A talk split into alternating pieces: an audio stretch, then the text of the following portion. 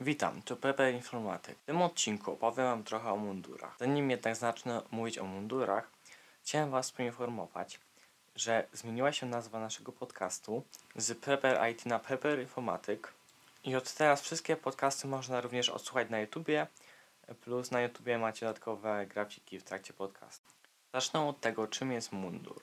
Mundur jest to charakterystyczny jednolity ubiór dla danej formacji wojskowej. Pierwsza formacja ubioru, którą możemy nazwać mundurem, pojawiła się dawno temu, bowiem pierwszy mundur powstał w starożytności.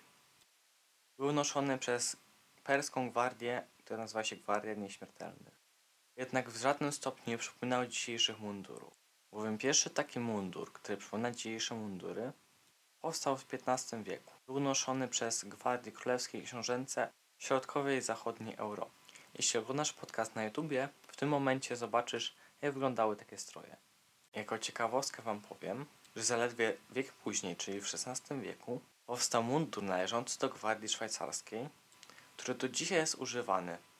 Żołnierze, którzy go noszą, obecnie znajdują się w Watykanie i bronią papieża. Natomiast od XVIII wieku stosuje się mundury niemalże identyczne do obecnych. Dodam, że w XIX wieku postanowiono podzielić ubiór mundurowy na dwie kategorie. Ochronny w kolorze kaki, czyli potocznie zwany moro, oraz różnokolorowe mundury na różne uroczystości. W międzyczasie pojawił się zwyczaj, aby honorować żołnierzy orderami, medalami i tego typu odznaczeniami, które miały charakter medalu przypinanego do munduru.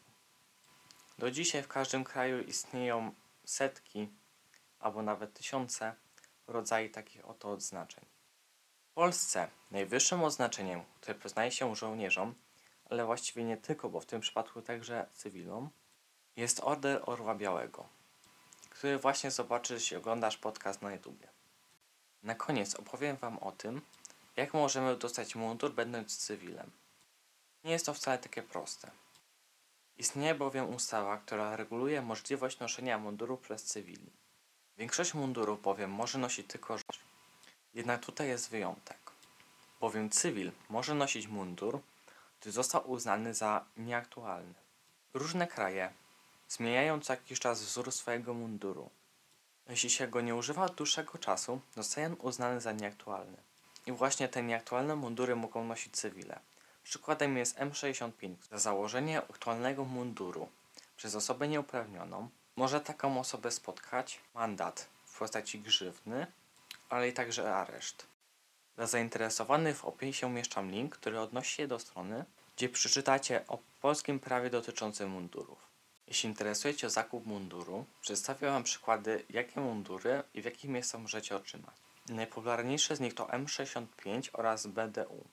Obydwa rodzaje to t-shirt bądź kurtka plus spodnie w kolorze moro. Do złudzenia przypominają obecne wojskowe mundury, jednakże można je bez problemu nosić, gdyż są uznane za nieaktualne. Można je uzyskać na serwisach aukcyjnych typu Allegro, bądź typowo militarne np. militaria.pl czy Zielony Sklep. Sugeruję jednak, aby wybrać Allegro ze względu na cenę. Na Allegro bowiem ceny mundurów są dużo niższe niż w profesjonalnych militarnych sklepach. A więc dziękuję za wysłuchanie i zapraszam Was do obejrzenia kolejnych odcinków.